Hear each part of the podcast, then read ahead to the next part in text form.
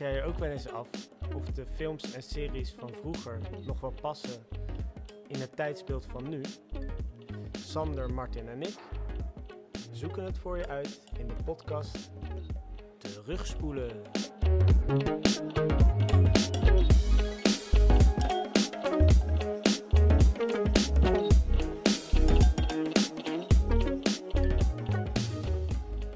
Nice, dankjewel voor deze intro. Het is fijn om eh, eh, weer een nieuwe stem. Ik denk dat mensen helemaal in verwarring zijn dat ze denken alweer een gast in de podcast.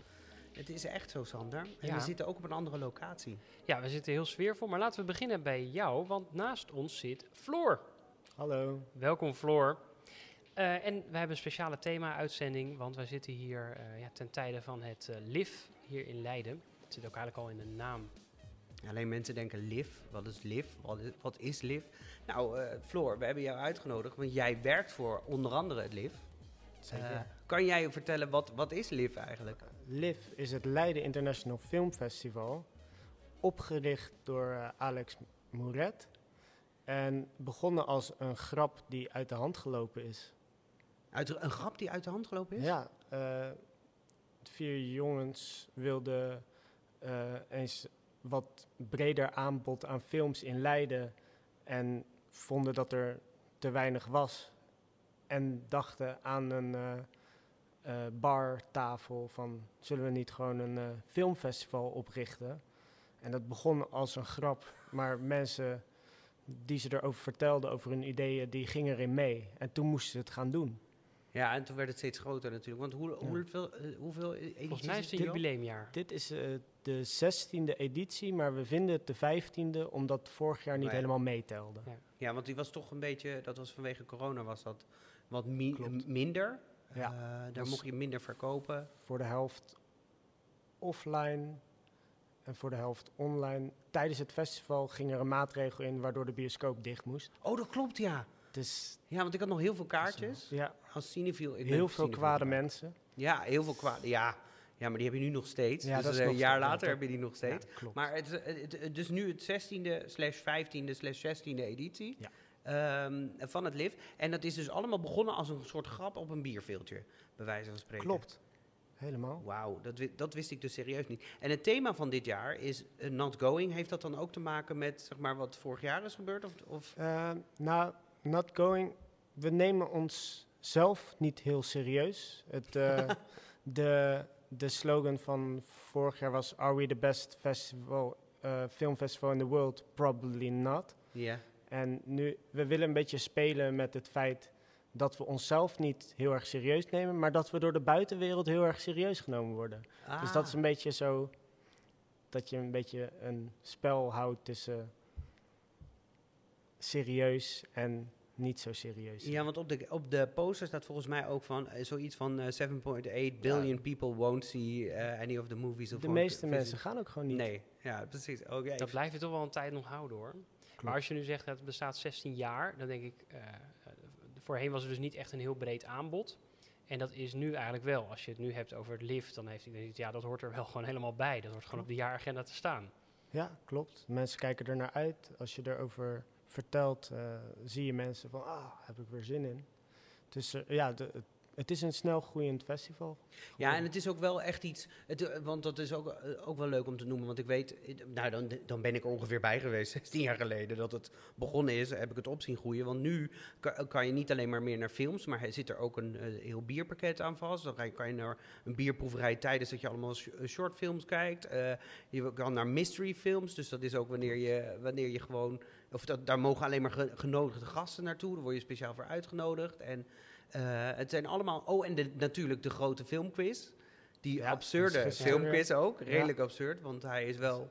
Hij is pittig. Daar moet je echt wel Zelfs veel... ik ben er tering slecht in. en, eh, ik heb eh, filmstudies gedaan. Ik werk in een bioscoop en eh, ik weet geen enkele vraag. Ja, het, even een kleine, kleine schets voor de mensen. Wat is dan zo'n vraag die dan daar voorbij komt? Is dan, dan heb je een ronde waarin je zegt... Oké, hoeveel mensen gaan er in dit fragment gaan er dood? Dan beginnen ze met één. En dan gaan ze naar, een, naar scènes toe van massa, eh massagevechten. En dan moet je gaan gokken hoeveel er dan ongeveer... Nou, dat- John Wick. Ja, ja nou, dat zijn echt, het zijn wel echt fantastische eh, dingen allemaal. En het wordt ook heel druk bezocht, want het, het is ook altijd bijna uitverkocht. Klopt. Dus Ja. dat het is wel onwijs eh, mooi om te weten. Ja, waarom zijn wij nou hier eigenlijk te gast in deze nou ja, Not Going Studio van Liv? Ja, dat is een eh, goede vraag. Wij zagen voorbij komen dat met het lift dat er podcasts konden worden opgenomen. Dus we dachten, nou, dan, eh, ja, dan wordt het een keer voor ons gedaan in plaats van dat we dat zelf doen. Ja. En we dachten, het is ook leuk om op een andere manier weer eh ander soort films, een ander publiek aan te spreken. En daar hebben we dus ook gretig gebruik van gemaakt. Het was een leuk contact meteen met, eh, met iemand van de organisatie. En eh, toen mocht jij aanschuiven. Ja, Ja, en we hebben allemaal mensen van het LIF gevraagd van, nou, wat zijn nou de films waarvan jij zegt, die kunnen echt niet meer en waarom dan niet? En nou, daar hebben we een hele hoop van gekeken en daar gaan we het eh, met jou over hebben. ja. Maar dan ben ik nog wel benieuwd, wat is jouw eh, rol in het hele LIF? Eh, nou, ik zit eh, bij de PR en ik doe eh, eigenlijk alles bestellen van eh, drukwerk. En ik heb eh, met een vriendin van mij opgericht dat oude banners worden hergebruikt tot tasjes. Oh, tof. En dat is ook, ja, die lopen ook heel goed. En ja, dat soort dingen. Ja, ik ben een beetje vliegende kiep verder. Dus voor recycling, want je werkt niet alleen voor het Liv, maar je werkt ook voor de bioscopen Ja, Leiden. En dat zijn eigenlijk, nou, dat, de naam zegt het al. het zijn bioscopen in. Leiden. Dat zijn de bioscopen in Leiden samen. Nou, en daar, en daar werk jij voor. Ja. Heb je een belangrijke rol. Ja, en wij hebben dus in de appgroep gevraagd, of tenminste, er is in de appgroep gegooid van, eh, joh, de- deze jongens willen een podcast hier opnemen, lijkt dat jullie leuk? Die appgroep hoorde ik, eh, explodeerde een beetje. Ja, en er was één stem in die zei, ja, wacht even, eh, ik heb daar toch wel een, ook een, een semi-andere mening over. Ja, de Ja, vraag was dus, welke films kunnen niet meer? Ja, welke films kunnen niet meer? En daar kwam jouw antwoord op. En toen dachten wij, nou, dan moeten wij Floor uitnodigen voor in deze podcast. Want het is juist leuk om eens een keer te, daar het gesprek over aan te gaan. Want wat is jouw mening daarover als we zeggen, hé, hey, welke films eh, kunnen eigenlijk eh, niet meer? Nou, er kwamen meteen allemaal eh, eh, films eh, die niet meer konden. En daar zaten ook films tussen van, oh ja, daar heb ik over gehoord. Zou ik nog juist wel heel graag willen zien.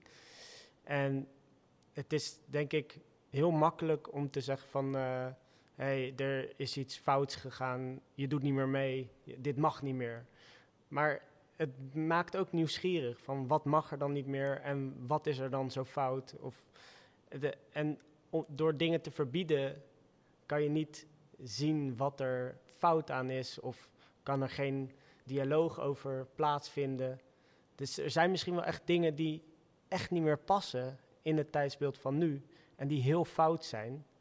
Maar ik denk niet dat het de oplossing is om te zeggen, joe, niet meer, jullie doen niet meer mee. Eh, er werken ook zoveel mensen aan films mee. Eh, Je kan niet om, om- om bepaal- bepaalde personen, onbepaalde personen of uitspraken van die personen of keuzes van personen in die film zeggen van, joh, die hele film. eh, Ja, is het dan omdat je ook vindt dat het een soort cultureel erfgoed is? Dat je zegt, nou, dat, dat alles wat gemaakt is, moet dus wel eh, zichtbaar zijn. Dus moet je dat dan wegcensureren?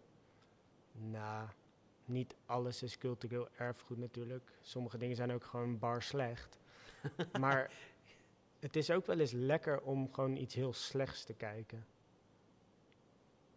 Zoals? Heb je een echte, een, een- waarvan jij denkt, wij hebben er echt in de afgelopen 37 afleveringen best wel een paar voorbij horen komen of zien komen. Ja. Waarvan we denken, nou, Even dat is zonde van de tijd geweest. nadenken. Ja. Ik weet het even niet. Nee, maar er zijn, er zijn wel Nou, ik ben laatst naar Benedetta geweest. Die was Ja. best wel heel erg slecht, maar wel leuk om naar te kijken. echt- Draait hij op het liv? Mm, Bernadetta is een nieuwe. Be- Benedetta van eh, Paul Verhoeven. Oh, ja, ja, zie je? Maar Over eh, geile nonnen. Ja, dat Ah, was ja. het. Ja, En toen dacht ik, oké, dat is echt weer typisch Paul Verhoeven. ja, ja. ja. En die was echt slecht. Nou, hij, wa- hij was niet goed. Maar dat was zo'n film, daar ging ik heen. En toen dacht ik van, ja, waar, waar heb ik nou naar zitten kijken? maar, maar uiteindelijk ook wel weer blij dat ik gegaan ben.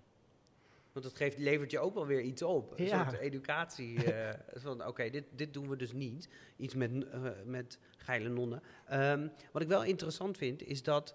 eh, eigenlijk zeg je dus, films moeten, we moeten films daarin niet ehm, eh, mijden of, of, of, of weggooien. Of gewoon, kijk, de streamingplatformen denken nu, we maken keuze uit, keuze uit films. En dan zullen dat soort films ervan afvallen. Maar eigenlijk zeg je van, we moeten dat wel kunnen zien. Je moet Ergens. het ergens kunnen zien. En, maar sommige films raken natuurlijk ook in de vergetelheid. Ja. Dus je, komt, je kan ook gewoon doen alsof van, oh ja, nee, er was wel ooit een film, maar weet ik veel waar die ligt. Dan de- doe je gewoon, ah, zijn we vergeten. Je heeft hem niet in de spotlight te zetten van nou laten we die film nog eens even een keer eh, tevoorschijn halen. We hebben een film gehad en daarbij zei ik zelf van nou mijn kinderen zou ik dit niet laten zien eh, zonder dat ik daar heel erg goed een gesprek bij heb van hey wat, wat zie je hier eigenlijk, wat gebeurt hier? Dat was was in ook Ace? Ventura. Ja. Dat gaat dan op het eind, blijkt dan dat de, de, de vrouw, die, de, de, die blijkt eigenlijk de tegenstander te zijn, dat is een, een, een man en die heeft zich laten, die heeft transitie naar richting een vrouw. En die wordt echt zo voor gek gezet op een manier die ik denk, nou, dat is anno nu, is dat niet echt heel erg leuk. Ik zou mijn kinderen, die zijn 8 en 6, even voor het beeld, die zou ik dat niet zomaar voorschotelen zonder daar goed bij te stellen van waar, een beetje te jong daarvoor. Dat ook. Maar- Ehm, maar ik ben er altijd op bewust van dat je dus niet heel erg op, op seksen daar eh, ja, oordeelt of daar, daar allemaal stereotypes in neemt. Maar in die film vond ik dat echt ongepast. En dat, Ja. nou ja, dat vind ik nog steeds. Je kunt misschien die film wel kijken, maar je hebt het er wel over. En dat vind ik dan belangrijker dan zeggen, nou we gaan hem Zeker, dus ja. niet meer kijken. Of Het, eh, maak een remake waarbij dat dan niet gebeurt en alles heel braaf is. klopt. Nou, voor de mensen die hem niet gezien hebben, ik zou hem niet kijken trouwens. En twee ook niet. Wat, eh, ja, want wij We zijn deze pod- het gewoon. Ja, dit is film van Ja. eh, laat maar verstoffen. Nee, wij zijn, die, wij zijn deze podcast ook begonnen. Puur uit het, uit het oogpunt van, oh, als wij, wij zijn ook veranderd. Wij zijn ook eh 15 jaar ouder dan 15 jaar geleden. hey, dat is een slim Goed opmerking. uitgerekend. En eh, die, eh, als we nu terugkijken naar dat soort dingen, hè, vinden we dan niet dingen raar? Of, of, nou, en we komen er dus gaandeweg wel achter dat heel veel films ook nog gewoon wel kunnen. Als in met tekst en uitleg kan het ook zeker wel. Maar wel dat je denkt, oh ja, Ja. je verandert ook wel per... Het is toch ook weer fijn om van jezelf te merken dat je sommige dingen niet meer vindt kunnen. ja, en dat je groeit. Je zou dat eigenlijk ook willen eh, bij mensen die dat zich niet bewust zijn van zichzelf, die denken, "Oh, eh, het moet toch gewoon kunnen. En dan, als die dan zo'n film zien van, ah, als je dan hun zeg maar dit, dit, dit stukje, dat kan gewoon niet. Dan, dat is dan beter dan zeggen van, nou, die film eh, doet niet meer mee. Nou, sorry. Nee, ja, want ze hebben... Ze hebben, ze hebben Mensen bewust maken, dat is... eh, Maar zou je dan zeggen van eigenlijk de films die, nu, die, die er toen waren, moeten of aangepast worden, de, de film moet aangepast worden? Of zeg je nee, een disclaimer vooraf van dat het, eh, zoals Disney va- vaak doet, van Ja. dit, dit is in, in een andere tijd gemaakt. Het kan zijn dat Be- daar... dat is weer een beetje makkelijk. Maar ik denk meer dat het, eh, het dialoog achteraf belangrijk is. En, en ook wel tegengeluiden van, ja, misschien zijn er mensen die het allemaal wel, wel goed vinden. Maar die kan je dan ook weer wijzen op sommige dingen die dan echt slecht zijn. Dat is wel grappig. En dat is eigenlijk best een goed idee hier, vo- voel ik hier ineens opborrelen. Gewoon een, een after-talk show van after elke film. Nou ja, dat doen ze bijvoorbeeld bij dat eh 13 Reasons Why. Dat komt elke keer aan het eind Ja. van eh, pleeg geen zelfmoord. En dit is het nummer wat je kunt bellen om, eh, en dan komen ze het voorkomen. Ja. En dat ook die acteurs laten zien van luister, wij zijn acteurs, wij zijn niet echt, ik ben niet echt een moordenaar dat of verkrachter. Ja. Is toch wel Ja. fijn. Dat, sommige mensen nemen dat natuurlijk heel serieus. Die hebben zoiets, nou, eh, eh, Ludo, die wordt volgens mij nog steeds, eh, uit GTS, wordt nog steeds belaagd in de supermarkt. nou, dan moet je, er zit gewoon een acteur achter. Ja, En er zijn toch mensen die dat niet realiseren. het is een be- beetje het eh, eh, End of the World. die- Nee, eh, die, die, ehm, die radioshow waar iedereen dacht dat... het, eh, Oh, War of van, the Worlds. ja, War of Ja. the World. want dit is echt. Iedereen wel- in paniek. Dat is ook, dat is ook een gouden trouwens. Eh, nou ja, wel super, super tof dat je hier aan wil schuiven. Ja. En eh, wij hebben natuurlijk aan alle, of aan veel vrijwilligers gevraagd eh, van, goh, wat zijn nou echt films die, eh, die je eigenlijk niet meer vindt kunnen en hoe kunnen we dat veranderen? Of wat zou jij doen als jij de regisseur bent van eh, de film? Eh, en hoe zou je dat dan veranderen? Eh, daar hebben we een aantal hele leuke films uitgekregen.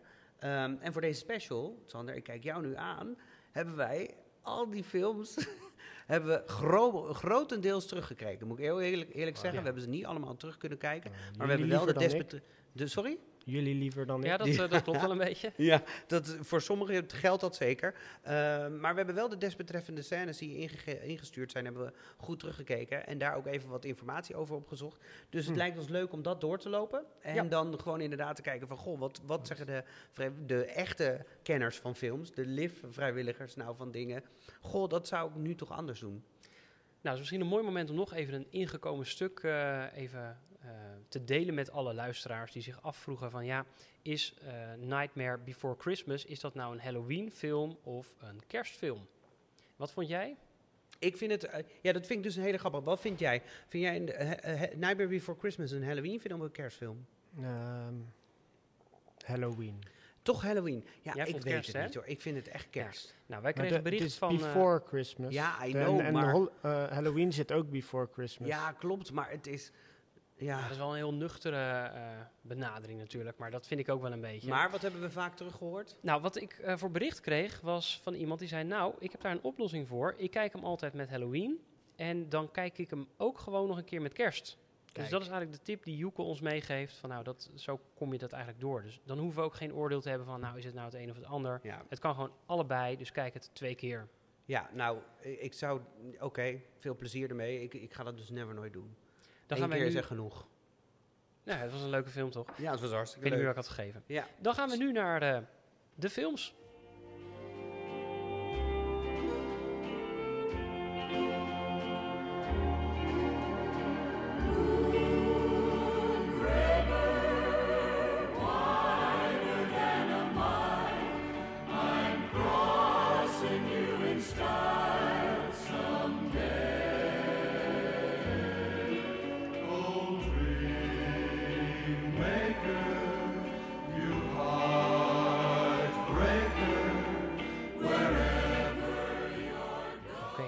Is de eerste film die we gaan, eh, ja, gaan terugspoelen is Breakfast at Tiffany's uit 19, weet je het? 72? Nou, best aardig, 61. Oh. Hij is door Cedric ingestuurd.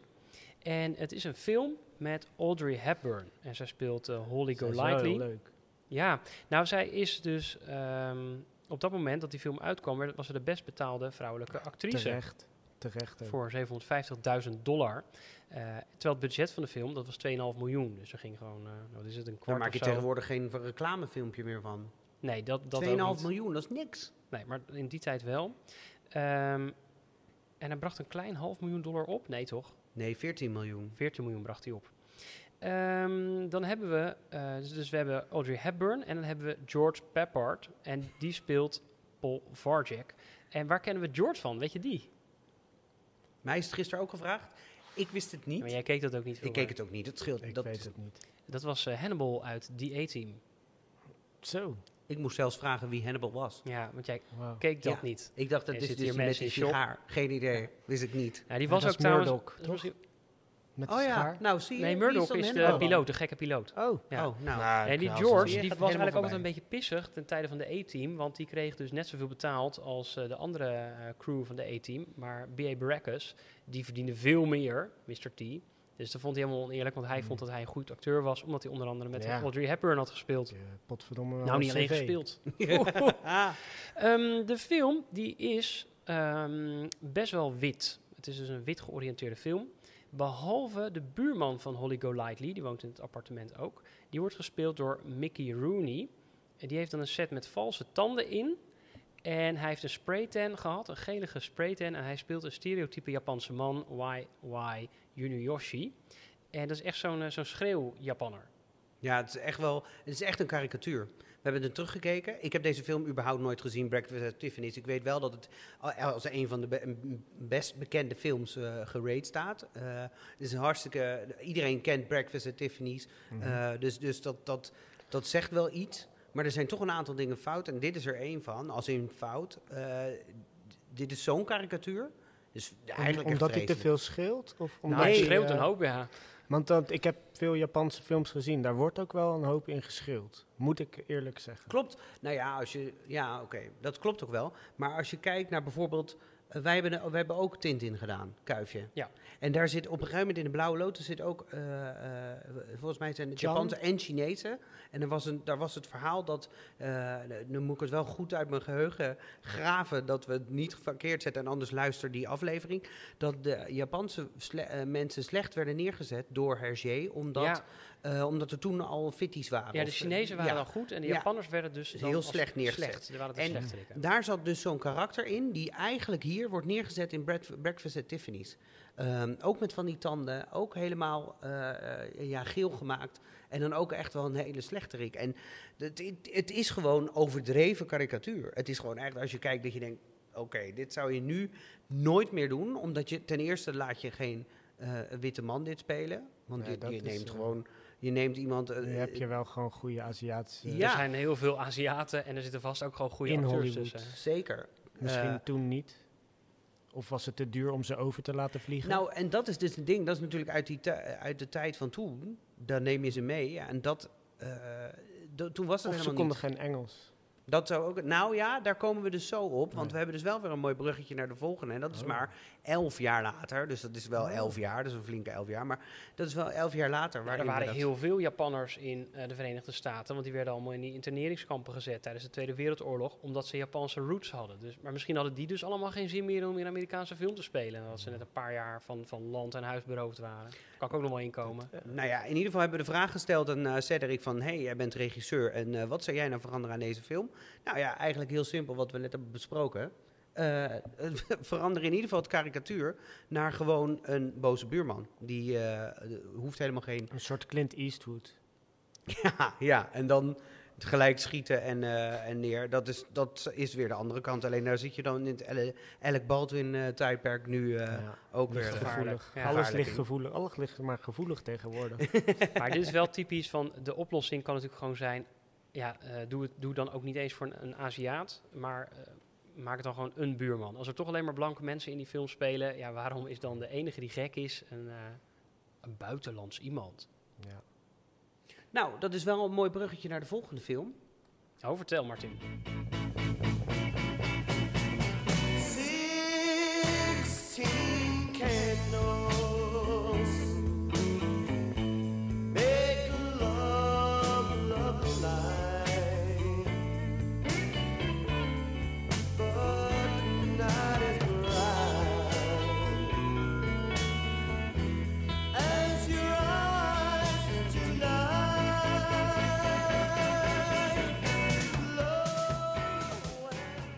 En dit was dus de intro van eh 16 Candles uit 1984. Ik zei net dat het, eh, dat het elf jaar later is. Het is veel later. Ehm, dat is dus, dus, dus mijn fout hierin. Maar dit is dus een film uit 1984. Ik heb er nog nooit van gehoord. Ehm. De film is ingestuurd door eh, Radna en ik moest op gaan zoeken waar deze over ging. We hebben de film ook in de grote, grote getalen doorgescrolld om goed te kijken waar, waar gaat het nou precies over. Nou, het is een Amerikaanse eh, comedy over, nou ja, volgens mij iets met schoolliefdes. eh, een beetje een Sweet, sweet het is- 16 Ja. van Samantha, Samantha. En ehm, die, wordt, die wordt vergeten door eh, de familie omdat er een bruiloft van haar zus is. Hm. Dus die Samantha is een beetje zo'n underdog en eh, ze wordt niet echt... eh, Een soort Home Alone.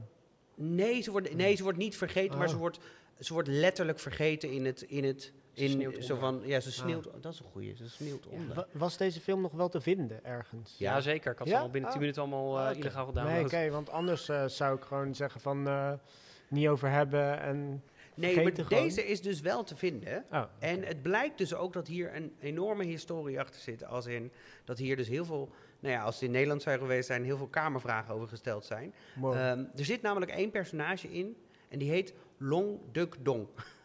Alleen de naam Dong. al, Long Duk Dong. Dat is een Aziatisch karakter. Dat is een, eh, ehm, een, een jongen, die komt een exchange student en die komt wonen in het huis van Samantha. En eh, dat wordt eigenlijk neergezet eh, ja, als een soort, echt weer een typisch eh, Aziatisch karikatuur. Ehm, ditmaal wel gespeeld door een, een, een, acteur met een Aziatische achtergrond. Dus in 23 jaar is er wel wat geleerd. Ja, dat, dat, is dan weer, dat is dan weer netjes. Maar wat bleek nou? Dit karakter heeft zoveel teweeg gebracht, omdat het zeg maar een heel groot, grotesk, uitvergroot Hollywood-type werd. Ehm, dat heel veel ehm, eh, Aziatische studenten die in- Amerika gingen eh, studeren, dongers werden genoemd. Dangers. Ehm, en die werden, die werden ook Heeft hij wel een goede rol eh, heeft hij dus een goede rol, rol neergezet. Ehm, en hij kreeg dus, hij werd geplaagd met de, de quotes van, vanuit de film van eh, oh, sexy girlfriend en zo. Dat, dat soort dingen bleek hij dus allemaal te zeggen. Dat hebben Niet wij dus schreeuwend. niet gezien. Sorry? Niet schreeuwend. Soms wel, soms wel. Ook? Ja, Ja, het wordt nog erger hoor. Het wordt nog erger. Hij had zo'n hele lange vriendin dan. Die was een hele lange, kloeke Amerikaanse jonge dame. Ze is hele, eh, ja, eh, ja een, volgens mij was het een, eh, een sportster of zo. Nou ja, dat, tot zover houdt mijn kennis daar ook in over, over op. Ehm, maar eigenlijk hebben ze die, hebben ze die karakters gegenderswapt. Zoals ze dat, het werd een keer beschreven in, eh, moet ik het wel goed zeggen, eh, het tijdschrift Asian Americans and the Media. Wist niet dat het tijdschrift bestond. Maar daar is dus eigenlijk is de gender swap die dan plaatsvindt. En dan even voor onze luisteraars. Voor onze luisteraars. Wat is gender swappen? Dat betekent dat je dus eigenlijk een karakter neerzet en daar het gender letterlijk van swapt. Dus eh, anders neerzet. Eh, dat kan gebeuren als je een. eh, dat gebeurt wel eens in musicals om bijvoorbeeld diverser en inclusiever te worden. En dan gender swappen ze soms karakters. En dan, wordt het een, dan is het een jongen in plaats van een meisje of andersom. En hier hebben ze dat ook gedaan, alleen ze hebben de karaktertrekken gelijk meegenomen. Dus wat er is gebeurd, is ze hebben die Longdong, eh, Longduk, Longduk, Longduk Dong. Duk- Longduk Dong, die hebben ze eh, eh, klein gehouden, of klein gemaakt. Die is klein. En vrouwelijk, heel vrouwelijk gemaakt. En dat maakt hem zwak in de film. En de tegenovergestelde is dus de lange potige dame die dus wordt neergezet als het sterkere. Eh, om een soort van nou, karikatuur weer neer te zetten. Nou, dat, vonden, dat was toen best wel ehm, eh, een dingetje. Dat werd in 2014 dus beschreven pas in eh, de Asian Americans in de media. Dus dat is al vet later. Nou, en uiteindelijk is er nog best wel veel om, om gedaan. En nou ga ik de naam uitspreken, let op. Ged- Gedde Watanabe. Watanabe B. is een, Jaka, is een Japanse, is, is die Japanse acteur. En eh, die heeft ooit op een gegeven moment gezegd, na, het, na de film van... oh, volgens mij heb ik hier een fout gemaakt. Volgens mij is dit Ah, niet helemaal goed er gegaan, maar... teruggekomen? Nou, hij is er dus niet helemaal Oh, op teruggekomen. Ja, ja, hij is er dus niet helemaal op teruggekomen. Want eh, wat bleek, er is een vrouw naar hem toegekomen, een Aziatische vrouw, die heeft gezegd: Luister, wat jij hebt ge- gedaan, dat, dat doet mij pijn. En toen heeft hij gezegd: Oh, dat was niet mijn bedoeling. Maar ik zette ook niet een stereotyperen neer, want Aziaten ehm, die studeren heel hard. En in de film ehm, studeerde ik niet, maar feest ik heel erg. Dus ik wilde juist wegsturen van stereotypering. Dus hij verdoezel- verdoezelde ook het een beetje. Zo van, ja, nee, valt allemaal wel mee. Dus er zit hier dus best wel veel achter, achter de karakter. Ik moet zeggen, toen ik de film zag... Het past ook wel, eh, of tenminste de stukjes die we hebben... Het past ook wel een klein beetje bij de film. Nou, het is een comedy, dus ik vond helemaal niks van die film. Ja, fair enough. Eh, en hij zit er ook in als de comic relief. Maar Ja. er was nog iets ergers, toch? Want elke keer als hij iets zei, dan hoorde je een gong slaan. Oh ja, Dus als hij dan iets zei, dan hoorde je zo boing. Doen jullie dat ook bij mij in deze Dat gaan we ook inderdaad Oh, doen, ja. We hadden het gisteren wel over om dat te doen. dat wordt leuk editen. Elke keer als jij iets zegt, gooien we er een gong in. Ehm, nou, ook hier hebben we natuurlijk gevraagd... wat is eigenlijk hetgene wat je zou doen, eh eh, Radna... als jij de regisseur zou zijn van deze film... Ehm, en eigenlijk komen we dan weer op, het, weer op, dezelfde, op hetzelfde antwoord neer. Ehm, het minder quirky neerzetten van, de, van het karakter. Hmm. Ik vraag me wel af of dat in deze film zou werken. Of de film dan nog even leuk blijft. Het heeft, een, het heeft een comedy vibe, maar als we... Wij hebben Ace Ventura gedaan. Daar was ook zo'n eh, karakter niet oké. Dus ik vind het hier ook eigenlijk gewoon moeten we van wegblijven. Tegenwoordig ga- zou je dat... Je zou het nu gewoon niet meer neer kunnen zetten. Maar niemand kent deze film ook bijna, denk ik. Dus laten Dus- we hem vergeten. Ja, dus inderdaad. Dat is een goede tip. Maar je mag hem wel kijken. Maar ik ben wel oprecht eh, nieuwsgierig geworden. Nou, Sander heeft ze allemaal op, je op zijn laptop staan voor Ja, je. Dus je zo krijgt een filmavondje achteraan. Leuk.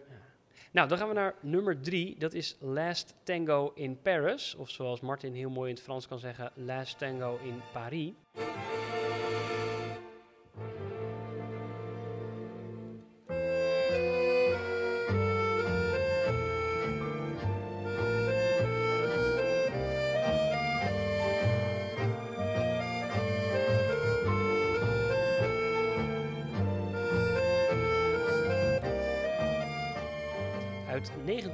1972. Ken je deze film? Eh, Ja, Ja. gehoord. Ehm, hij is ingestuurd door Evert. Bertolucci. vraag, Ken jij Evert? Ik ken Evert. Kijk, Ja, is, is dat een beetje een Hij is kritisch mijn- iemand? Hij is mijn... eh, nee, Evert is altijd kwaad. Oh, dat is echt Altijd wel- kwaad? Ja, altijd kwaad. Oh, Ja. altijd kwaad. Nou, bij Leuk. deze film kan ik daar misschien nog wel een beetje in komen. Ik ben niet partijdig verder natuurlijk, maar... ehm, eh, in eh Last Tango in Paris, daar speelt Marlon Brando in en Maria Schneider. Oh ja, nu gaan we gelijk diep hoor, dames Ja. en heren. Dit Maria. Schneider, die is eh, Frans, dus niet dat je denkt dat zij Duits is, omdat ze Schneider van haar achternaam heet. Ehm, zij spelen een Amerikaanse zakenman en een Parisienne. Zij hebben een soort relatie waarbij ze vooral eigenlijk heel veel seks hebben. En die worden echt wel, dat wordt heel expliciet in beeld gebracht. Nou, op zich is dat denk ik grond. mooi en prima. Op de grond inderdaad, helemaal zo mooi. Zo is knap voor een Amerikaanse film. elkaar. Toch? Nou, het- ik weet niet Ja, of het is een het is Italiaan, een? Italiaan, eh, die regisseur. Bertolucci. Ja. Eh, maar uiteindelijk, na een heleboel seksscènes, wordt zij ja, eigenlijk wel verkracht door eh, Marlon Brando. Eh, die scène stond wel in het script beschreven, dus zij wist wel van, oh ja, dat gaat wel gebeuren. Maar de details niet, want Brando die gebruikt uiteindelijk boter als glijmiddel als hij haar in haar achterste neemt. En dat wist ze niet, dus zij krijgt opeens een paar vingers eh, eh, boter tussen haar billen geduwd en wordt tegen de grond gewerkt.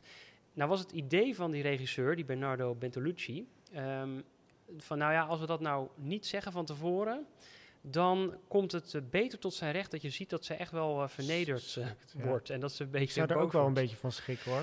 Ja, Nou, het is een beetje sneu dat ze het 's ochtends bij het ontbijt hebben zitten bespreken. Dit. ja, ze zagen een stokbrood en boter en ze Ja. dachten, ah, oh, dat ja. gaan we doen. Dus zij wisten het en dan denk je, ja, dat kan je toch ook gewoon zeggen. Ik bedoel, Ja. Ja, we hadden het net over goede acteurs. Er zijn vast ook gewoon, als zij een goede acteur is, kan ze dat ook wel gewoon goed in beeld brengen. Maar ehm, nou ja, latere ehm, interviews zegt die Bertolucci ook van ja, hij snapt op zich wel dat ze, dat ze boos op hem was. En op Brando trouwens ook.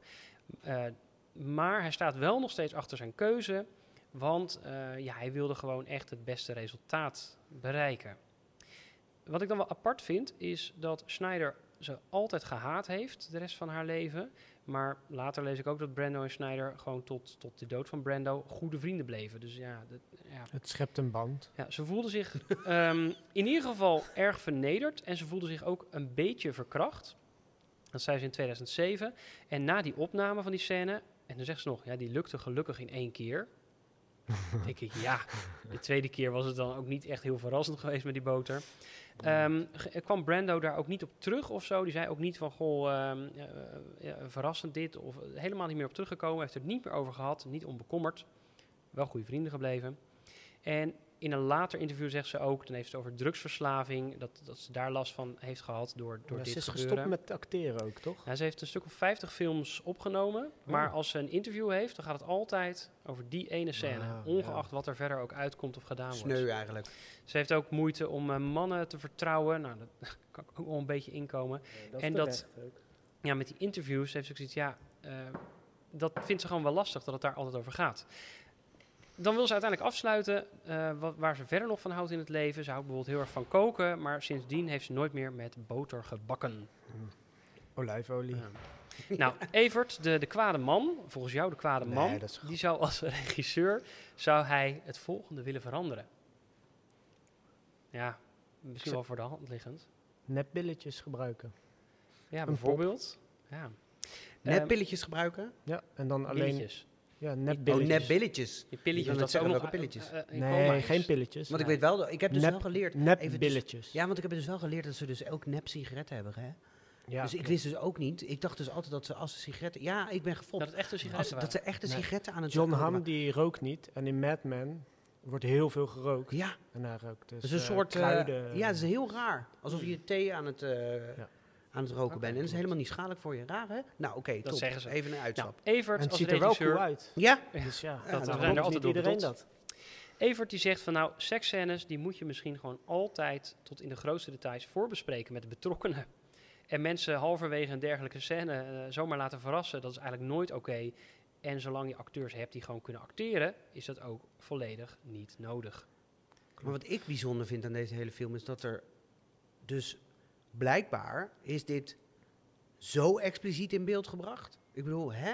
Zijn wij eh, dit, deze film komt uit, deze komt uit 1972. Ja, toch? dat was de 71, 72. Ja, het was- En dat we dus dat je zegt de, wij zijn we dan nu ineens zo preuts geworden dat we nu alles alles doen we nu met van die afde, afdekdoeken en eh, nou, La Vida del is die eh, wel ook zo expliciet? was eh, heel erg expliciet. Ik weet nog dat- elf minuten lang en eh, was, vonden die twee meiden ook niet eh, helemaal fijn om te doen. En daar ging het ook na de film wel veel over. Hmm. Nou ja, onze... Maar wel een hele mooie film.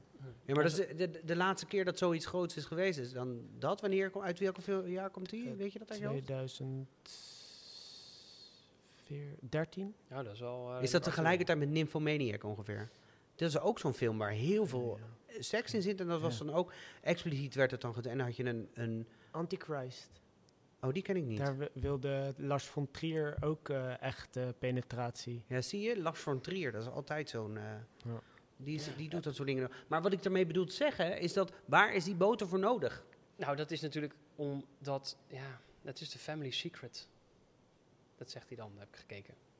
Nou ja, Alsof dat dan, nou ja, goed. oké. Ik, ik vind het heel en ze vreemd hebben ook heel zo- de tijd seks. Dus het is ook een beetje de vraag van waarom is het dan een verkrachting? Maar daar heb ik de film misschien niet goed genoeg voor bekeken. Dat kan natuurlijk Omdat ook het nog. op de grond is. Ja, maar ze doen de hele tijd op de grond. Ah. Ze zitten in een Nou, appartement. Ja, ze bad is, gewoon ze niet, ze is niet, niet geïnformeerd op wat er gaat gebeuren. En dat is gewoon niet oké. Seksscènes moet je inderdaad altijd gewoon heel goed overleggen met elkaar. Zeker. Maar dit is dus een, dit is wel een mooie, of een mooie, niet mooi. Dit is een overstap naar eh, nog een eh, vrij pikante scène. Waar, we, waar vraagtekens bij worden gezet. En dat is bij de volgende film.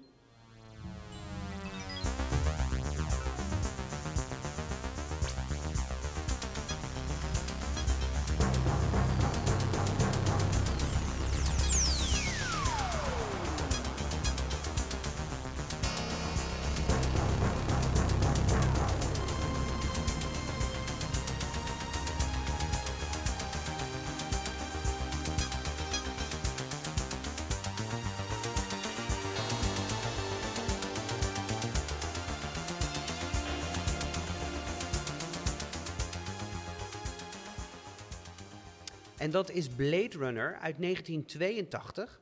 Ehm, deze is ingestuurd door Paul. Ken je Paul wel ook? Paul ken ik ook. Is ook een boze, boze man? Dus, nou, nee, eh, hij is woke.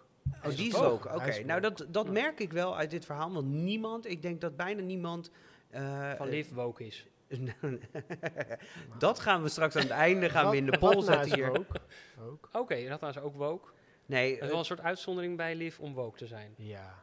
Ja. Nou, weet ik niet. Steeds meer mensen zijn woke. Steeds meer, je ziet het toch wel opkomen. Het is, ja. ja. nee, maar dit is, Het is dit een is rage. een rage. Dat vliegt wel weer over. Ehm, maar je merkt hier op een gegeven moment eh, dat, hier, dat hier wel iets in zit. Dat dit, wel, eh, dat dit iemand is die doordenkt.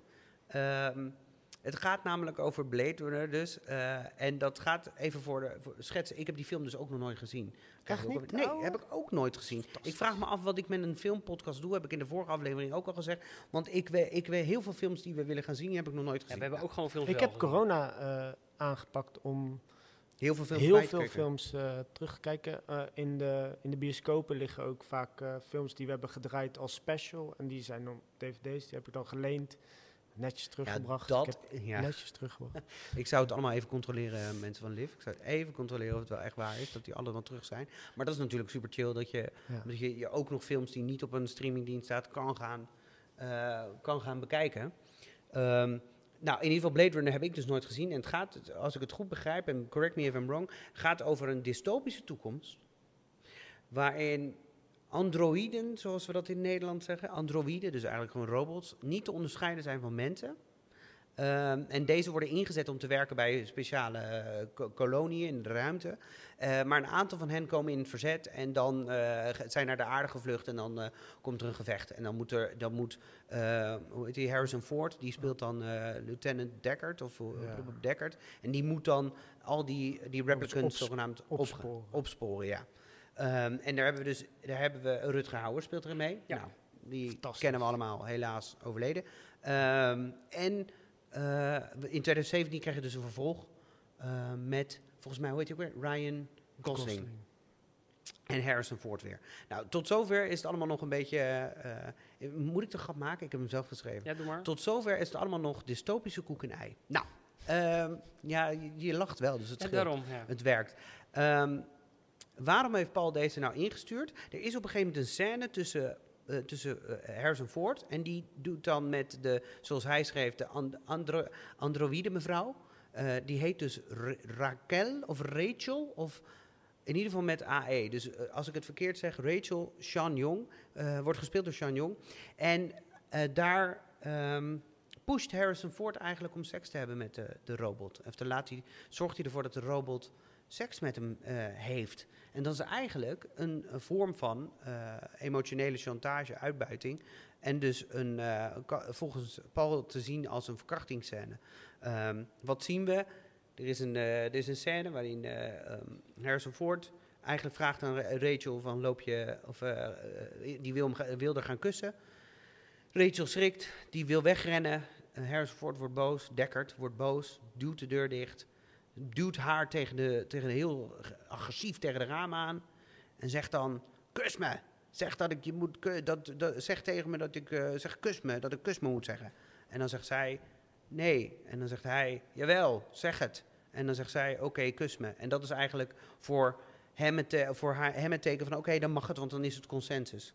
Ehm, maar de robots zijn zo geprogrammeerd dat ze, ze moeten eh, bevelen opvolgen. Dus op een gegeven moment Nou moeten ja, ze dan... daar zijn robots wel een beetje voor gemaakt. zijn robots wel voor gemaakt. Maar daarom is dit dus wel een hele interessante, eh, interessant onderwerp. Want die robots worden zo, ge, eh, ehm, voor, voor zover ik het begrijp, worden zo ingezet om zo menselijk mogelijk te worden. En hier ga je eigenlijk een grens over, want er is geen echte consensus tussen de twee. Ehm, Nou, dat- ik vind het ver gezocht, maar het is inderdaad, het is heel ver gezocht. En het grappige is, als je dus online gaat zoeken, ehm, dan vinden heel veel mensen dat. Maar steeds meer mensen, en er worden steeds meer eh, artikelen geschreven. misschien geeft over het een slecht voorbeeld Precies, voor dat mannen is het. om zo niet met dames om te gaan. Ja. Ja, en wat blijkt, het is een soort jaren tachtig trucje. Daar kwam ik dus ook achter. Het is een soort jaren tachtig trucje, waarin heel veel regisseurs ehm, eigenlijk eh, in terecht kwamen om te zorgen van, nou, we gaan toch maar even kijken of dat, weet je, om, eh, om maar wat chemie te creëren tussen die twee. Want er was geen chemie tussen Harrison Ford en Sean Die, Young. eh, mochten elkaar helemaal niet. Nee, die mocht. Nou ja, ik kan me ook ergens voorstellen. Volgens mij is Harrison Ford ook echt geen aardige man om mee samen te werken. Lijkt me echt totaal geen samen aardige man. Geen maar idee. dat baseer je Nog dat nooit nou gedaan. Ja, gewoon, weet ik niet. man. Nee, eh, weet ik niet. Ik denk de, de, eh, is We dat de zullen hem even bellen na de podcast. Ja, kunnen we, kunnen we niet even kunnen we niet Live contact verbinding. leggen met hem? Nee, allemaal maar dingen voor goede doelen nu en zo. ja, ja, Net zoals Sting. En, ja, zo kun, ja, zo kunnen we alles wel goed praten. Nee, Anyway, maar ik snap dat wel, eh, wat je zegt, Floor, dat eh, zij is ook nog eens een androïde. Dus wat je zegt, ze is een robot. Ze is gemaakt om bevelen op te volgen. En een androïde, die is dan gemaakt om op een mens te lijken. Eh, ga je aan een sekspop vragen van, goh, vind je het goed als ik... nou, zou die ik zegt dan doen. meestal niks terug. Toch? ja. Ja. Nou ja, dat is niet helemaal Waarom waar. je dat nu aan hem? Dat, we- dat weet ik uit mijn verleden in de winkel van Christine Leduc. Maar dat is het voor een andere podcast. Eh, maar die poppen kunnen dus praten. Nou, anyway, ik heb dat nooit zelf geprobeerd, dames en heren, voordat jullie dat allemaal gaan denken. Maar als jullie daar eens verhalen over willen horen, twitter me gewoon of eh, Instagram kan je alles. eh, ik ga ik ik alles voel een nieuwe podcastserie ik voel je zeker een nieuwe podcastserie. Ja, leven Kan van hier- Martin. Het, le- het leven bij Christine Leduc. Ehm, terug naar dit. Ja, dus dit is eigenlijk ook zo'n ehm, zo'n ding wat nu steeds meer opkomt, waar heel veel mensen gaan van gaan zeggen, "Ai, ja, ik weet het niet, ik weet niet hoe wat. We hebben eh, wel gevraagd aan Paul van wat, wat zou jij dan eigenlijk veranderen aan deze scène? En hij zegt, nou ja, eh, misschien is er een manier waarop Ford wel eh, ehm, haar zou kunnen bereiken zonder haar grenzen te overschrijden. Eh, dus eh, het leert ons, wat jij eigenlijk ook al zei, van het leert ons eigenlijk ook niet het goede voorbeeld te geven. Hoe kan je iemand, weet je, hoe, hoe bereik je iemand op een emotionele manier zonder dat je daar je agressie en je, je mannelijkheid, voor zover dat mannelijkheid is, hoeft te tonen, ehm, om, daar, om, erger, om iets te krijgen. En dan in dit geval seks. Het, het, ja, het doet niks af aan de film natuurlijk. Ik heb de film- film is fantastisch. Ja, is de film eh, op een schaal van 1 tot 10. Wat voor cijfer zou je het geven? Is dat- Ach- 8.8 zo, zoiets. Dat is wel een fikse score. Ach, Nou ja, hij, wordt ook, hij staat ook niet voor niets in eh, al- allemaal cultureel er- erfgoed van Amerika en weet ik veel wat. Als, een- als een van de super duper awesome films. Nou ja, wat ik ook ik ben vind niet is eens dat... een science fiction fan. Dus dat nou, ik wel, dus dat, dat, dat streepje heeft het voor. Maar wat ik ook een beetje vind is dat die, hij is ook niet een aardig personage in de film, toch? nee, maar het is Hij is niet een zoetsappige, vriendelijke, lieve man die eh, heel begaan is met het androïde wezen. Nou, in dat geval hoeft hij niet te veel te acteren, denk ik dan. Oké. nou, dankjewel. Typecasting. Ja, ik weet niet wat het is, maar Harrison Ford, ik weet het niet. Als iemand van onze luisteraars anders weet, Stuur het ons alsjeblieft door, want dan, weet je, dan verander ik graag. Maar ik heb gewoon niet het idee dat hij een aardige man was. Is. Sorry. Ja, ik denk nog steeds, oké, top. Ja. Misschien eh, dat we gewoon naar de volgende kunnen gaan. Ja, nou die vond tijd. ik, daar, dat vind ik een interessante. Dat is namelijk de film Tropic Thunder uit 2008. People moving out, people moving in. Why? Because of the color of their skin. Run, run, run, but you sure can't hide. The only person talking about love and brother is the preacher. It seems nobody's interested in learning but the teacher.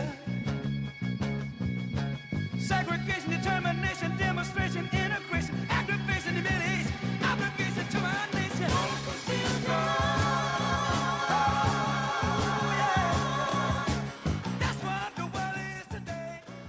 Hij is ingestuurd door Emma. En het, ik, ja, het is een comedy. Dus nou ja, voor je dat al niet door had, ik ben niet zo heel erg fan van comedy. Het is wel een beetje in deze verdeling. Heb jij elke keer de heel comedy, gekregen. Ehm, Dat is juist leuk. maar laat ik je Hij hierin misschien verrassen. Eh, het is een comedy en eh, ja, dus pas op voor mijn oordeel. Deze film is geregisseerd door Ben Stiller en hij speelt zelf ook de hoofdrol. Daar hou ik wel van. Samen met Jack Black, dat is ook zo'n comedyacteur, en Robert Downey Jr. Het is een comedy over de Vietnamoorlog, soort of. Eh, dat is altijd leuk natuurlijk. En Stiller speelt een soort Rambo, maar zij spelen ook in een film. Dus ze spelen dat ze een Wow. film opnemen in de. Vietnamoorlog. En, maar ze, dat nemen ze dus eigenlijk op. Eh, ze moeten uiteindelijk leren samenwerken, want ze komen in echte gevechten terecht. En dan moeten ze als een hechte unit, die ze in de film ook zouden moeten spelen, eh, samenwerken, zodat ze ook ja, het overleven. Want ze komen dus allemaal schietpartijen terecht door allemaal gevaarlijke tata's. Samenloop van omstandigheden. Ehm, nou, waarom heeft Emma deze film ingestuurd? Nou, dat is wel opvallend. Ik, ik snapte het eerst ook niet zo heel erg, maar toen ben ik gaan kijken en toen snapte ik het beter. Robert Downey Jr., die, die ken je die acteur, hè? Ja. Dus die, eh, die speelt Tony Stark onder andere bijvoorbeeld in Avengers, met zo'n baardje. Nou, in deze film heeft hij-. Ook zo'n baardje. Oh. Eh, hij, heeft alleen iets heel aparts. Ehm, hij heeft namelijk een donkere huidskleur. Dus hij is eigenlijk een soort blackface. Dus hij is helemaal eh, nou, donker. Maar is dat niet als eh, camouflage? Nee, dat is niet als camouflage. De rest, die, de rest heeft wel camouflagestrepen, die Ben Ah, Stiller. Ehm, dus waar- waarom is dat nou gedaan? Hij speelt in de film eh, dat hij een blanke man is. Dat is hij ook. En die heeft voor deze film zijn huid donker laten kleuren... om dan een donkere man te kunnen spelen in deze film. Het is heel Ja. meta allemaal. Eh, en tijdens een scène... Dat vond, ja, ik vond dit heel grappig. Tijdens één scène zegt dan dat personage van Stiller... die zegt dan tegen de groep... ja, ja, bla, bla, bla, bla... het is altijd wat met you people... En dan zit die Robert Downey Jr. kijkt dan heel boos en die zegt zo... What do you mean, you people? En vervolgens is de enige echte donkere man in het gezelschap... die reageert op hem weer... What do you mean, you people? Ja, ik vond dat echt... Ik vond dat een heel grappige scène. En dat in een comedy. Ja, nou, eh, even als side note. Jij zegt wel elke keer dat je comedies niet leuk vindt, maar we hebben heel veel comedies gedaan waar- die jij wel ja, stiekem klopt, heel ja, leuk vindt. Dat is ook wel een beetje zo. Ik vond dit eigenlijk misschien toch grappiger dan ik dacht. Ja, ik ben, Ben gaan Stiller kijken, film? toch- Oh, vreselijk. En dan met Ben Stiller ook. Dus dat is echt wel een soort live eh, breaking voor mij. Ehm, maar het, is, het gaat hier natuurlijk wel echt om een blackface. Ehm, wat, wat vindt Emma van wat zou je nou in deze film kunnen veranderen? Zij zegt, nou doe geen blackface, doe gewoon een donkere man casten. Maar dan kan die grap niet meer. Nee, want ja, Er ik wordt vind hier lastig. ondertussen, even voor de mensen, mochten ze dit horen. wordt er allemaal bier naar binnen Ja, er getild wordt hier nu bier, bier naar binnen gehaald. Dat Ja, vind ik heel ze weten belangrijk. dat jij hier binnen Ja, bent. Dus dat mag Maar- altijd tussendoor. Even, ik, ik wilde iets zeggen, maar nu ben ik het kwijt. Ja, dan ben ik dwars door je heen gegaan. Ja. Het spijt me. Nee, Ja, het geeft niet. de Sorry, film man. die start met allemaal sampletjes, dat al die acteurs die krijgen te zien in hun natuurlijke habitat. Bijvoorbeeld eh, Ben Stiller die dan in, eh, dat vond ik ook heel grappig trouwens, het begon eigenlijk heel grappig al die film. Eh, dat hij dan zo, hij speelt een soort Tom Cruise in van red de wereld van de totale vernietiging. In deel 1 tot en met 6. En deel 6 is dan, ja, de totale vernietiging is dan al vijf keer geweest van de aarde. Dus dan gaat het over dat de aarde bevriest. Om het nog een beetje te veranderen. En nu gaat hij dus deze film maken. En dan zie je dus ook die eh, Downey Jr., die een ontzettend blanke man speelt. ehm, eh, een homoseksuele monnik zelfs. Of in ieder geval eh, anders geaard dan dat ze in die tijd verwachten, in de middeleeuwen. En je- dus je weet dat het inderdaad een blanke man is. En in deze film speelt hij dus een donkere man. En dan denk ik, ja, het is ook wel ze steken met heel veel dingen de draak. Ja. Ook met Ben Stiller, die lijkt op Tom Cruise en op allemaal dat soort dingen. En ik denk, ja, het is ergens ook wel weer geestig, misschien. Maar dan kijk ik heel voorzichtig. In dit geval, omdat het er heel erg bovenop zit, dat dit gewoon heel raar is. Misschien had hij die sketch al geschreven ook van de You People.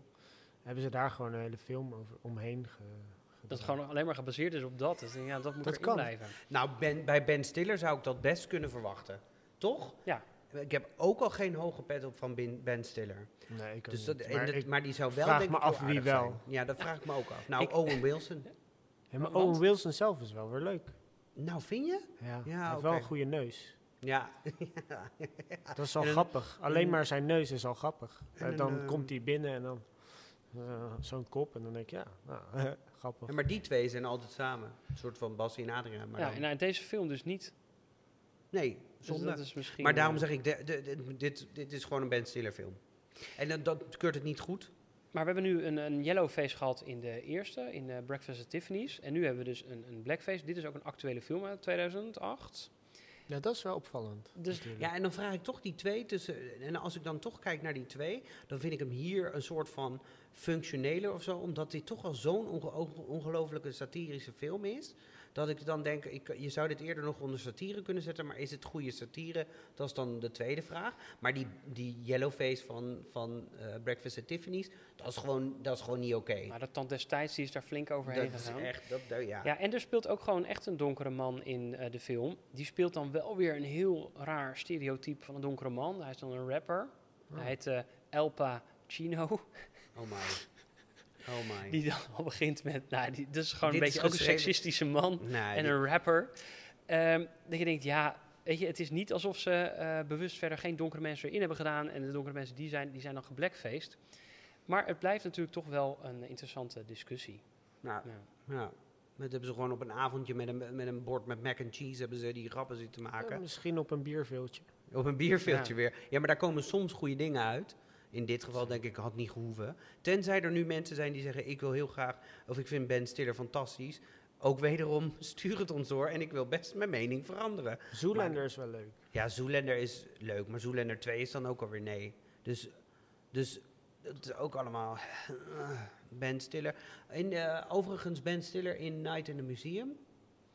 Oké, maar dat komt ook weer door Robin Williams. Nou, ik, jij kijkt me nu met hele grote ogen aan. Ja, maar er ik- zijn hele leuke films. Ja, Komt nu ook binnenkort een serie fijn. uit op, Nou, eh, mooi, ga ik allemaal op kijken. Disney Plus. Alles Gratis kijken. voor jou. Alles ga ik kijken. Leuk, spannend. Nou, is het dan nu gedaan met de yellow faces en de black faces, Martin? Daar is het ongeveer wel mee gedaan. Maar we hebben nu nog een kopje accenten.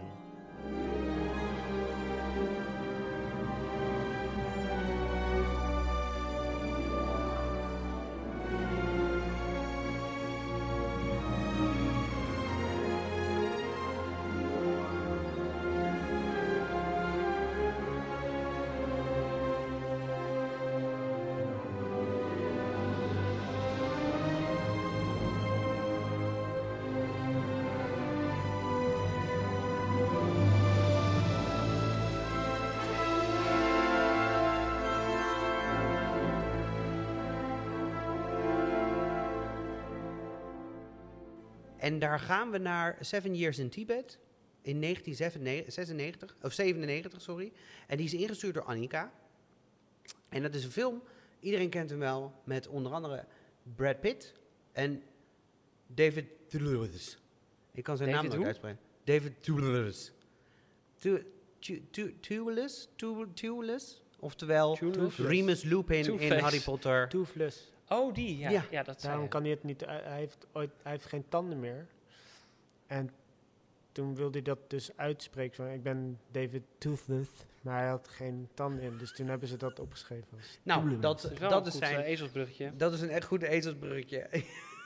In ieder geval, die man, eh, oftewel waar ik hem dus alleen maar van ken van ehm, Harry Potter.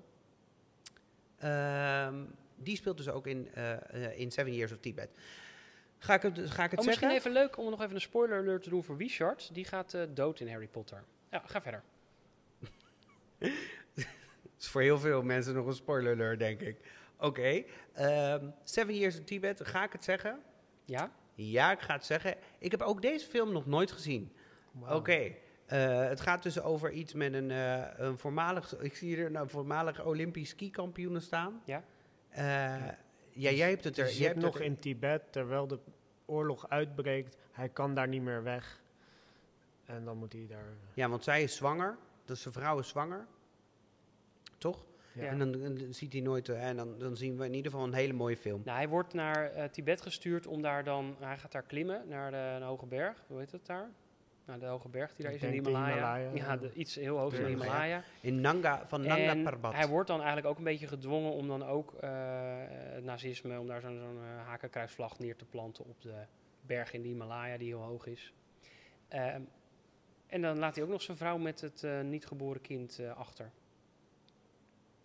ja, sneu. Ja. Ja, ik heb er verder niet gekeken. Maar het enige waarvoor die dus in is gestuurd door Annika is het feit dat het, het gaat om een, eh, eh, dat een Engelse man een heel slecht Oostenrijks accent neerzet. En dat is Brad Pitt. Maar Ehm, dat doet hij ook wel eens met Italiaans. Nou, dat is heel mooi dat je dat zegt, want dat klopt inderdaad.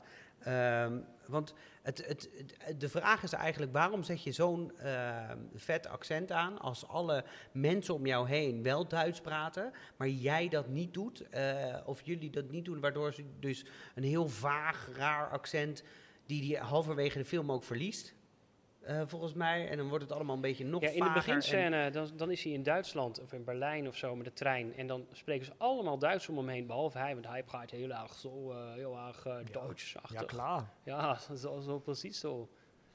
Ja, nu zat ik dus te kijken van, oké, vind ik dit zo erg? Ehm, dus ik ben even gaan googlen. Kijken van Brad Pitt, Seven Years in Tibet. Vinden andere mensen dit nog heel erg? Nou, Kom- je beter niet kunnen doen, geloof Dan ik. kom je dus op heel veel sites waarin ze zeggen... Brad Pitt, leuke acteur, goede kop, slecht in accenten. Ja, Ehm, zo blijkt hij dus ook in eh, bijvoorbeeld de film eh, The Devil's Own... probeert hij een eh Iers accent te doen. Gaat niet helemaal lekker. Snatch. In de film Snatch doet hij dat nog een keer, maar dan gaat het hem iets beter Gaat af. wel goed hoor. Ja, dat gaat hem eh, beter af. En in eh, de film eh 12 Years a Slave, waar hij zelf regisseert, eh, speelt hij ook een cameo in. Ehm, een heel rare cameo ook trouwens. En daar Met een accent. Een cameo met een accent. Dat is ook wel raar. Ja, maar hij heeft dat dus gewoon. Hij heeft daar dus een heel eh Texaans-achtig accent. Misschien is dat zijn echte stem. Nee, nee, dit is echt een, dit is echt, eh, dit is echt, ja, dit is echt, nee, nee. Ik heb het teruggezien. Ehm, hij, het karakter komt uit Canada, want ik heb het ook, ik moet deze informatie ook van het internet zoeken. Hè, dus ik, nee, ik ben gaan zoeken en dan ben ik gaan kijken, ben ik het ermee eens of niet. Het karakter komt dus eigenlijk uit Canada. Nou, dan denk je, oké, wat, wat, wat kennen we Canada. Canada. Wat kennen we daarvan? Volgens mij praten ze prima Engels daar. Maar deze, dit Engels is een beetje Texaans, Mexicaans, raar. Mexicaans. Dus eh, Brad Pitt is gewoon niet zo goed in het doen van accenten. Hij heeft hij ook eh, niet nodig. Heeft hij Dat ook niet is, nodig. eh, maar hij doet het wel in de Seven Years in Tibet. Nou, En eigenlijk heel is- veel andere films. ja, heel veel andere films. Het, de oplossing van Annika is eigenlijk heel simpel. Haal eh, gewoon de, eh, het Duitse eruit. Eh, laat iedereen Engels, pra- Engels praten en doe, alsof het, eh, eh, doe dan alsof. Of laat iedereen echt Duits praten. Dus eh, ga er dan volledig vol. Ik denk dat als wij deze film tegenwoordig zouden maken... dan zou dat dus echt gewoon de originele taal zijn. Want inmiddels... He- he- heel wij veel, kijken ook Squid Game met, eh, in, het, in het Koreaans, toch? Ook niet gekeken. Oh ja, eh, ik heel veel mensen gaan nu ook wel de taal leren. ja Van, om het... eh, nou, eh, nu, de openingsfilm op Liv, ja. eh Ich bin dein Mensch, ja? speelt een eh, Brits acteur, speelt de hoofd, nou, ze speelt een Duitse robot en die spreekt Duits. Ja. Dus het kan Dus je wel, kan het wel. maar het is wel ook Ze weer heel het ik- raar. ja, ze, denken het toen, ze durven het denk ik toen niet aan. Heb jij die film gezien? gezien? Ik of ga ook eh, bijna- Seven Years of... eh Nee, de Ik ben naar mens. Ja, zeker. Of, ik- Ja. Wat was het? Ik ben, goede film. Ja? Ja, mooi. was, een, was ook wel een veelgeloofde een mooie film. openingsfilm. In ieder geval, accenten. Wij kennen dat ook vanuit theater. Accenten bijna nooit doen, toch? En Ja, accent je het goed aigu. Tenzij je het vast Accent aigu. Kan, en kan, kan jij het, kan, je, als, kan jij in accenten praten? Ik kan een beetje Amerikaans praten. En kan je dat volhouden lang? ik- Ik ken Laats natuurlijk. Leids, ja. Yeah. Ben je in Leiden geboren Ik ben trouwens? geboren en getogen. Ken je Geboren, dat niet horen? en thuis. Nee, ik je niet horen. Ja, oké. Dat heb je goed, goed verborgen dan. Ja. Je. Ik heb een keer eh, Yeah. een theaterding gezien, een improvisatietheater. En dat waren allemaal Belgen, die gingen ook eh, daar spelen. Amai. Op het Nederlands theatersporttoernooi, heel raar Ja, Zeker eigenlijk. dan vast, eh, die En die, we ook. die spraken dus hele tijd zo, oh, wel even zitten best. En toen moesten ze in accenten praten, dan gingen ze in het Nederlands praten. En nou, denk je dat ik niet gewoon Nederlands kan praten of zo? Dus die kunnen, dat is dus heel grappig, als, gewoon. die kunnen ook gewoon Maar Nederlands die kunnen, praten. Die kunnen het wel goed. ja, Wij kunnen Ja. het minder goed. maar je eh, hoort het dan wel, van, eh, dat het eh, raar is. Sander, ik denk dat het tijd is voor de allerlaatste film. En dit gaat als een verrassing komen. Weet ik zeker dat het als verrassing En dit is de allerlaatste? Is jouw favoriete film? Nee. Oh.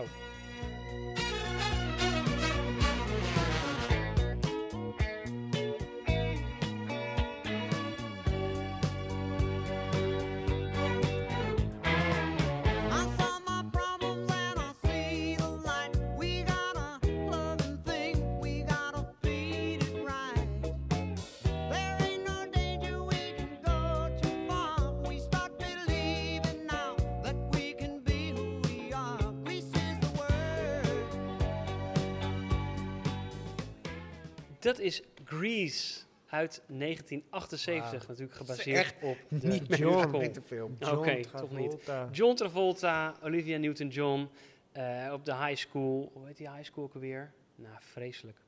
Ehm, ik heb geen oordeel. gezien. Echt niet? Nooit gezien? Ik zei het toch. Wat doe ik met een filmpodcast? Ik heb het nog nooit... Nou Grease, ja, maar dit zijn Ik heb hem volgens mij ook nog nooit gezien, alleen scènes. Ik weet dat als dit nummer... Nou, dan weet je alles hoor. Die doe ik na. Je weet dat als de Grease medley wordt de gedraaid in de clubs, dan weet je, Wegwezen. nu moet ik mijn jas Ja. gaan pakken. Want hierna komt Dashboard bij, eh, Paradise bij Dashboard Live. Ja, ook dan dan is het over. Ja, klopt. Ehm, nou ja, we hebben dus eh, John Travolta en Olivia Newton-John. Eh, Sandy is een beetje een suffig, braaf meisje. En John Travolta die is Danny Zuko en die is heel stoer. Is echt stoere knaap met leren jack. En hij heeft dan grease in zijn haar, dat hij hele vetkuif heeft. Nou, zij houden wel van elkaar. Ze hebben elkaar eerder ontmoet. Maar nu zijn ze op school en zij is zo suf dat hij niet met haar wil worden gezien. Uiteindelijk eh zet ze een auto in elkaar en die gaat als de gesmeerde bliksem. En loopt het uiteindelijk best goed af, want Sandy sluit zich toch aan bij de populaire Pink Ladies. Dat zijn de stoere meiden. En omdat het gebaseerd is op de gelijknamige musical, stikt het van de liedjes. En in een prachtig slotlied kiest Sandy er toch voor om een heel stoere meid te zijn. Ze rookt opeens, ze heeft een leren jack aan en wilde haren. En laat Danny, eh, die laat zich van zijn betere kant zien, want die heeft een braaf jasje aangedaan. Dat gaat toch uit, want nu zij zo stoer is, wil hij wel met haar. Ja, En dat, dat ze dan. Nou, het is ook heel fijn voor vriendin Frenchie, want die is eh, zwanger, geloof ik. En eh, daardoor komt ze in de problemen. En in, in Grease 2 gaat het daar onder andere over met Michelle Pfeiffer. Eh, kun je overwegen om ook nog te gaan kijken als je denkt, nou, één zo'n film is nog niet genoeg. Nou, Tom die heeft aangegeven, waarom kan deze film niet meer? Mocht je dat nog niet al hebben gemerkt. Nou, als je dus het einde mag geloven, Ja. moeten vrouwen hun persoonlijkheid aanpassen om door mannen leuk gevonden te worden. Je moet er zelf om lachen. Ik vind het niet altijd, soms komt dat ook uit liefde. Van dat je elkaars eh, dingen over gaat nemen. Ja, Van dan eerst vind je bepaalde dingen helemaal niet leuk. Maar omdat iemand die jij leuk vindt dat leuk vindt, ga je er toch in verdiepen. En denk van, oh, toch wel leuk. Nou, ik speelde vroeger bijvoorbeeld heel veel computerspelletjes. En mijn vrouw die zei op een bepaald moment, dat was toen nog niet mijn vrouw, maar wel mijn vriendin. eh, van nou, dit wil ik ook wel eens doen. Want volgens mij, eh, ja, ik wil wel eens zien wat je dan doet. Dus toen gingen we met eh Rome Total War, met olifanten elkaar aanvallen en zo. Nou, vond ze heel leuk. En hoeveel is, is het goed afgelopen? Dat is goed afgelopen. Ze, we zijn nog ze steeds nog bij elkaar. spelletjes? Nee, daar is ze mee gestopt, want ze vindt dat ik niet eerlijk speel. Oh, nou, daar- oké. Daar kunnen we ook een Kijk. podcast over maken. Ja, ja. Of het spel van de waar liefde hè? eerlijk is. ja, maar hij heeft alleen maar winnaars, toch? Ik Ja. moet wel zeggen dat ik... vind- Grease vind ik wel een stretch. Ik snap hem wel. Ik vind het wel een stretch. Als in, zou dit niet meer kunnen? Weet het niet. Ik vind het, ik vind het voor de ik, ik snap wel dat het, dat het een beetje zo'n raar beeld kan geven. Maar ik denk niet... Ik denk dat de liedjes de overhand nemen. Ik denk dat het heel normaal is. Dat eh, als je van de middelbare school afkomt, ga je studeren. En dan ben je ook ineens een heel ander persoon. Of dan ga je bij een studentenvereniging, ben je ineens een kakker. Ehm, of ben je, ga je in Amsterdam wonen, ben je ineens een hipster. Weet je, terwijl je dat misschien op de middelbare helemaal niet was. Ja, dus precies. ik denk dat je altijd Je past je altijd aan.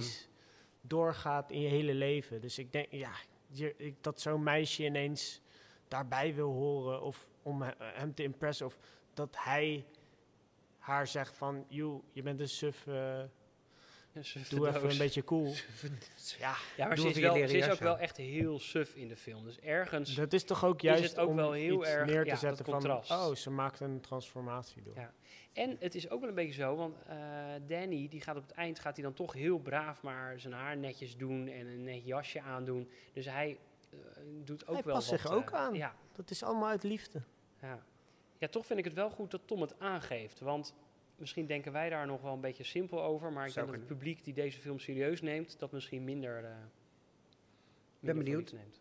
Nou ja, ik vind dit, dat was de, de hekkensluiter van het lijstje wat we binnen hebben gekregen. Eh, we hebben nog een paar pareltjes die we daarbij uitgelaten, zoals Friends is nog genoemd. Maar daar hebben we al een hele aflevering over gemaakt. Ehm, eh, en daar hebben we al een mening over gegeven. Maar er zijn, dit zijn wel de pareltjes die we eruit hebben gehaald. En waarvan we dachten, oké, dat wilden we vandaag eens goed bespreken. Ehm, van deze films, waar, waar ben jij nou het meest benieuwd naar om toch nog te gaan kijken? Eh, Af te stoffen. En, ja, en, dat we, en misschien van de laptop van S- Sander af te krijgen. Eh Last Tango in Paris. Ja? ja? Ja. Nou, die heb jij toevallig, toch? Ja, en ik ben daar stiekem ook benieuwd naar, omdat ik dan denk van, nou, ik ben daar een beetje doorheen gegaan. En dacht ik, ja, wat, wat, wat spreekt er verder nog in deze film aan? Ik bedoel, er zitten wel eh, goede acteurs in. Ook al is die een alleen maar bekend van dat ene. Ehm, dat, ja, daar zit toch iets achter. Ja. Marlon Brando zit ook in Don Juan de Marco. Wie? Dat zei de oude, die oude man, hè? Dat is Moest ik voor CKV kijken vroeger. En Marlon goed. Brando zit ook in het liedje van Madonna Vogue. Nou, Ja. en dat is ook een hele mooie brug eh, naar het einde. Ehm, Martin, welke film zou jij nou nog wel willen kijken hiervan? Ja, oh, moet dit? Ik, ehm, ik, eh, laat ik dan zeggen, laat ik, laat ik dan een keer Grease gaan proberen. ik kom er niet doorheen, maar het is... Of Seven Years in Tibet, die leek me ook Ja, wel echt dat interessant. Dat is een hele mooie Seven film. Years in Tibet Ja, is een- is Seven Years in Tibet, toen ik het zag, de, de scènes doorheen zat te kijken, dacht ik, ja, dat wil ik nog wel, die wil ik nog wel doen. Ja. En Blade Runner moet ik gewoon gekeken hebben, want het hoort erbij. Nou, dus in ieder geval, ik heb nog veel eh, te doen. Ehm, we, dit is denk ik ook eh, mooi dat we gaan afsluiten voor deze podcast, want hij wordt alweer vet lang. Eh, maar niet voordat we weggaan met de allerbelangrijkste vraag, Floor, aan jou. En dat is namelijk, het lift draait straks niet meer als deze eh, podcast live staat. Maar welke pareltjes tijdens deze, de, dit, eh, ehm, eh, dit hele festival zijn er voorbij, of één of meerdere zijn er voorbij gekomen waarvan jij zegt, dit moeten mensen gezien hebben? Mm, Sowieso Madres Parales van Pedro Almodovar. Is dat met Almodovar. Titanic? is met Penelope Cruz. Is gewoon eh, de nieuwe Almodovar. Spaans. Ik heb er nog nooit van gehoord. Waarom is Ik hij zo niet. goed? Eh, zijn vorige film Dolor y Gloria was eh, om te janken zo mooi. Dus ik mooi. hoop dat deze net zo mooi is. En ik hoor heel veel goede dingen over Boiling Point. Een one-taker Mhm. in een keuken van een restaurant. Waar alle horeca... eh, eh, ja, hoe zeg je dat ook weer? Disciplines. Ja, alle dingen die je daar meemaakt Ja. eh, in één avond zitten. Alle, dus dat, dat, dat lijkt mij wel Nou, een heet, heet heen. Daar ga ik avondje. heen, want ik zit, werk tijdelijk op eh, de, de hotelschool van Mondriaan, dus ik eh, moet hem een beetje inleven. Ga- dus ik ga, ga die, die zeker zien. dan kijken. Ga die zien. Komen ze ook nog in de bioscoop na de... Sommige wel, sommige niet. Oké. Eh, vooral dus American Indie meenemen. komt vaak niet. En Panorama en zo wel. Je kan het vaak zien aan of de films ondertiteld zijn of niet. Dus dan komen ze, als ze ondertiteld zijn, komen ze in distributie. En Oh, dit is een soort lifehack. Als mensen nou dus naar films of ergens films zien en denken, hé, hey, hier zit geen ondertiteling onder, dan weet je, dan komt die... Dus hij niet uitgebracht in Nederland. Oh, Oh. slim. Wauw. Oké, mooi. Dus Boiling Point en Madres Parales. Madres Parales. Parales. Madres Parales. Oké, dat kan ik niet uitspreken, maar ik, we gaan het zeker kijken. Ehm, bedankt dat we hier mochten zijn. Het lijkt me sowieso superleuk. Bedankt Floor dat jij... De, de dames voor bedankt. Ja, Eslin en Vicky, hartelijk dank voor de techniek. We- hebben jullie nog een film, in, on- onder andere, waarvan jullie dachten, oh, dit moet ik even genoemd hebben? Aristocats? Oh, die is tof. Fantastisch. Oh, de kat met de Oh. chopstick.